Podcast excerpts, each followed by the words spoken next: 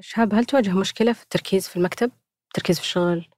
آه، في أوقات معينة الصراحة يعني إذا جيت الصبح بدري أو بالليل أو آخر اليوم يعني متأخر بحس أهدى شوية من نص اليوم آه فهي مرتبطة بزحمة المكتب؟ آه آه على حسب المكتب بيكون زحمة قرأت قبل فترة إنه لو كنت آه، مثلا مشتت okay وما أنت قادر تدخل كذا في تدخل mode في, في الشغل فحاول إنك تبدأ بتركيز لمدة سبع دقائق okay. حاول تلزم نفسك بالسبع دقائق هذه.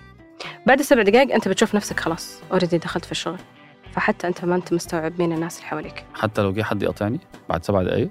قد إنك دخلت mode خلاص. أو جالي إيميل مستفز مثلا بعد سبع دقايق. لا هنا المفروض إنك تطفي الإشعارات. هحاول أجربها أشوف.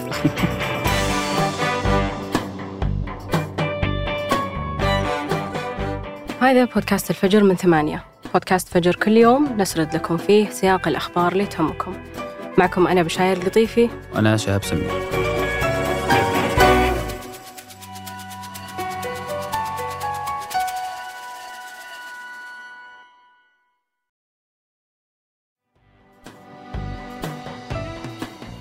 الاقتصاد الأمريكي بيتفوق على أوروبا وآسيا وبقى نموذج لأفضل انتعاش اقتصادي في العالم بعد كورونا.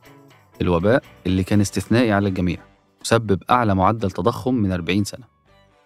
واللي كان المفروض يزيد أكتر مع وجود حربين مؤثرتين على العالم كله في الفترة الأخيرة وعلى أمريكا خصوصا في أوكرانيا وفلسطين.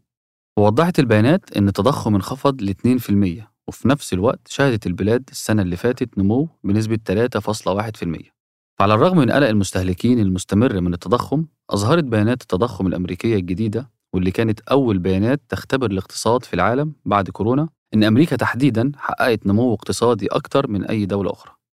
طب ليه حصل انتعاش كبير في أمريكا بعد كورونا في الوقت اللي حصل فيه العكس تماماً في أوروبا وآسيا؟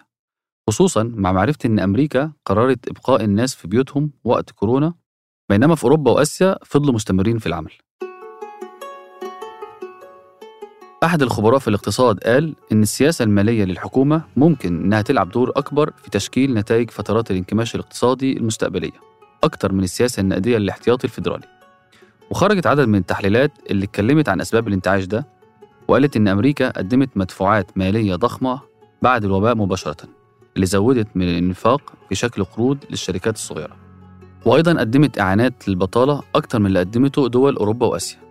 ووافقت على تقديم أكثر من 2 تريليون دولار كمساعدة للاقتصاد مع إغلاق الشركات وفقد 17 مليون أمريكي قروضهم ووظائفهم. النجاح ده اعتمد على قوة الحكومة المالية وسيطرة بنك الاحتياطي الفيدرالي على تكلفة الائتمان للمواطنين. ده من خلال شراء تريليونات الدولارات من الأوراق المالية الحكومية والأوراق المالية المدعومة بالرهن العقاري لدعم الاقتصاد.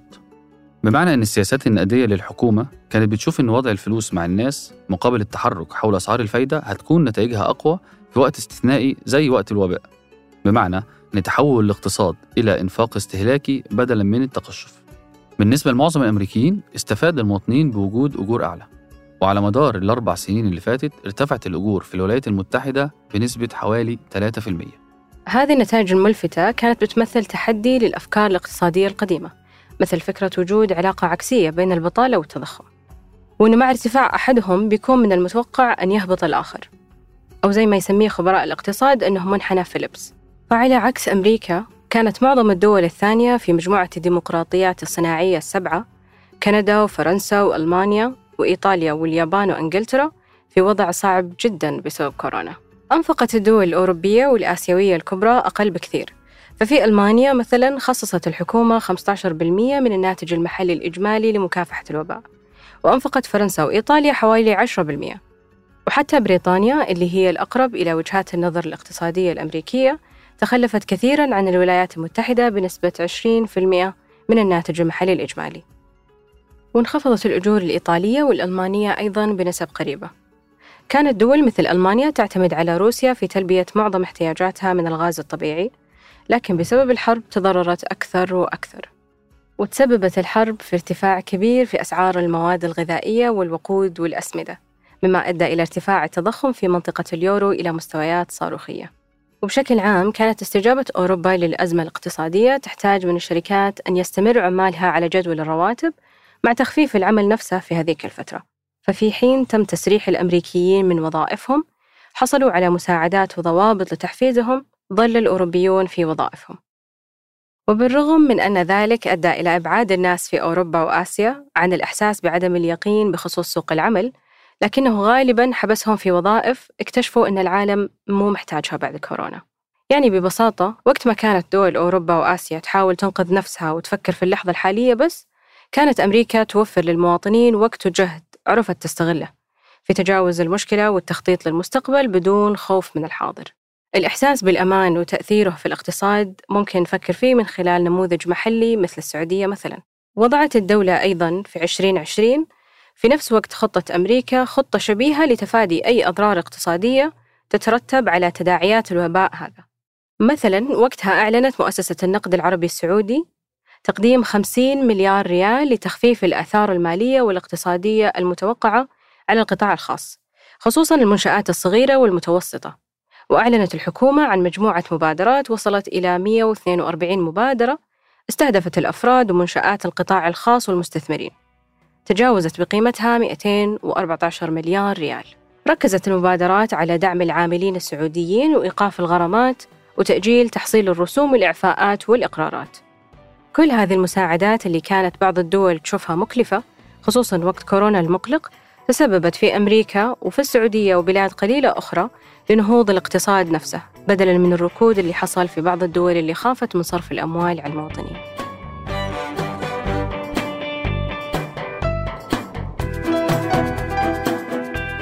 وقبل ما ننهي الحلقة دي أخبار على السريع. السلطات الروسية وافقت امبارح على ترشيح فلاديمير بوتين للانتخابات الرئاسية اللي المفروض تتعمل في شهر مارس اللي جاي. وده اقتراع من المتوقع أن يفوز فيه رئيس البلاد الحالي نفسه. وده بعد ما أعلن الرئيس الروسي الحالي البالغ 71 سنة واللي بيحكم البلاد من ربع قرن تقريبا. أعلن رسميا نيته الترشح للانتخابات الرئاسية اللي جاية. الانتخابات تبان إنها مجرد إجراء شكلي بعد أن تم قمع منتقدي الكرملين خاصة من ساعة الهجوم الروسي على أوكرانيا قبل سنتين تقريبا. ولسه المنافس بوريس ناديجدن بيحاول نيل المصادقة على ترشيحه اللي أثار حماس غير متوقع في الأسابيع الأخيرة. وكان اتجمع عشرات الآلاف من الروس للتوقيع على بيانات ترشيحه لانتخابات الرئاسة الروسية واللي المفروض علشان يدخلها يجمع مئة ألف توقيع من الناخبين قبل 31 يناير. وتقديم اللائحة للهيئة الخاضعة لسيطرة الحكومة واللي بيعود إليها قرار الموافقة على الترشيحات أو رفضها. وقال إنه من الصعب التغلب على منافسه لكنه يأمل أن تشكل الانتخابات بداية نهاية عهد بوتين. من المقرر إجراء الانتخابات الرئاسية على مدى ثلاثة أيام من 15 إلى 17 مارس وبعد إصلاحات دستورية في 2020 أصبح يمكن لبوتين البقاء في السلطة أقل حاجة حتى 2036 بتمر روسيا دلوقتي بفترة تبدو متوترة داخليا وخارجيا خصوصا مع استمرار حربها في أوكرانيا اللي تسببت في توتر العلاقات مع أمريكا وأوروبا كلها. الرئيس الأمريكي جو بايدن وعد بالرد القاسي بعد هجوم جوي تسبب في مقتل ثلاثة عسكريين أمريكيين في قاعدة في الأردن قرب الحدود السورية. وأكد ناطق باسم البيت الأبيض أن الولايات المتحدة تعمل على الرد بالطريقة الملائمة على الهجوم واللي اعتبرت أنه بسبب إيران بينما نفت إيران أنها السبب في هذا الحادث. وقال المتحدث باسم مجلس الأمن القومي الأمريكي جون كيربي أن أمريكا لا تسعى إلى حرب مع إيران ولا تريد نزاعا أوسع في الشرق الأوسط. وأعلنت المقاومة الإسلامية في العراق أنها نفذت هجمات بطائرات استهدفت ثلاثة قواعد في الأراضي السورية بينها قاعدتين قريبة من الحدود في الأردن. مشيرة إلى أن الهجمات تأتي في إطار مقاومة الاحتلال الأمريكي في العراق والمنطقة. ورد على مجازر إسرائيل في قطاع غزة. ومن الصعب تحديد إذا كانت هذه الهجمات هي اللي تسببت في قتل الجنود الأمريكيين. وقالت واشنطن أن الهجوم تسبب بمقتل ثلاثة جنود وجرح 34 آخرين على الأقل. وهي المرة الأولى اللي يقتل فيها جنود أمريكيين في المنطقة منذ بدء الحرب في قطاع غزة قبل حوالي أربعة أشهر. ويأتي كل ذلك بسبب حرب جيش الاحتلال الإسرائيلي على غزة اللي تدخل شهرها الرابع. في الوقت اللي أعلنت فيه السعودية ومصر إلى الاقتراب من التوصل إلى هدنة لحوالي شهرين لكن لم يدخل أي شيء في إطار التنفيذ حتى الآن. بل أنه أصبح مصدر للشكوك خصوصا مع إبلاغ جيش الاحتلال مصر أنها تنوي نشر قواتها على الحدود في محور فيلادلفيا. لازال الترند المسيطر على مواقع التواصل الاجتماعي عالميا هو الصور المزيفة لنجمة البوب تايلور سويفت واللي تسبب في قلق العالم كله من الذكاء الاصطناعي. بعدما انتشر صور ليها كان أغلبها غير لائق. لدرجة إن البيت الأبيض في أمريكا أعرب عن قلقه من المشكلة دي واللي تسبب فيها الذكاء الاصطناعي. وأعلنت شركة مايكروسوفت إنها بتحقق في الحادثة. واعتمد إنشاء الصور المزيفة على عدد من تطبيقات وخدمات إنشاء الصور بالذكاء الاصطناعي ومنها خدمة مايكروسوفت Designer واللي زودتها الشركة أخيرا لإنشاء الصور عبر الأوامر النصية. وكانت خدمة مايكروسوفت من أهم الأدوات اللي تم الاعتماد عليها في تزييف الصور دي.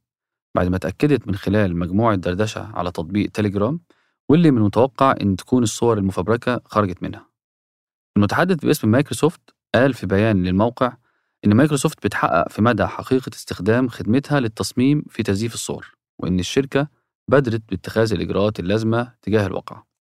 ووصف مدير مايكروسوفت ساتيا ناديلا خلال لقاء تلفزيوني إن الصور المزيفة دي هي صور صدمة وخطر وإن الشركات العاملة في الذكاء الاصطناعي زي مايكروسوفت لازم إنها تتخذ تدابير وإجراءات وأدوات تضمن استخدام خدماتها بشكل آمن وبيحافظ على خصوصية الجميع.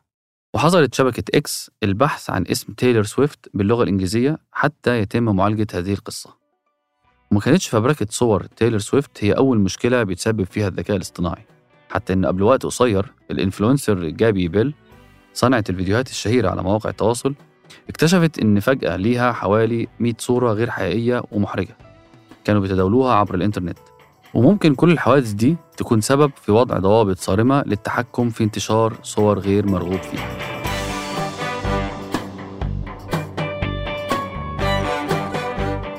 أنتج هذه الحلقة حسام الخولي وقدمتها أنا بشاير القطيفي. وأنا شهاب سمير. وحررها تيسير قباني. نشوفكم بكرة الفجر.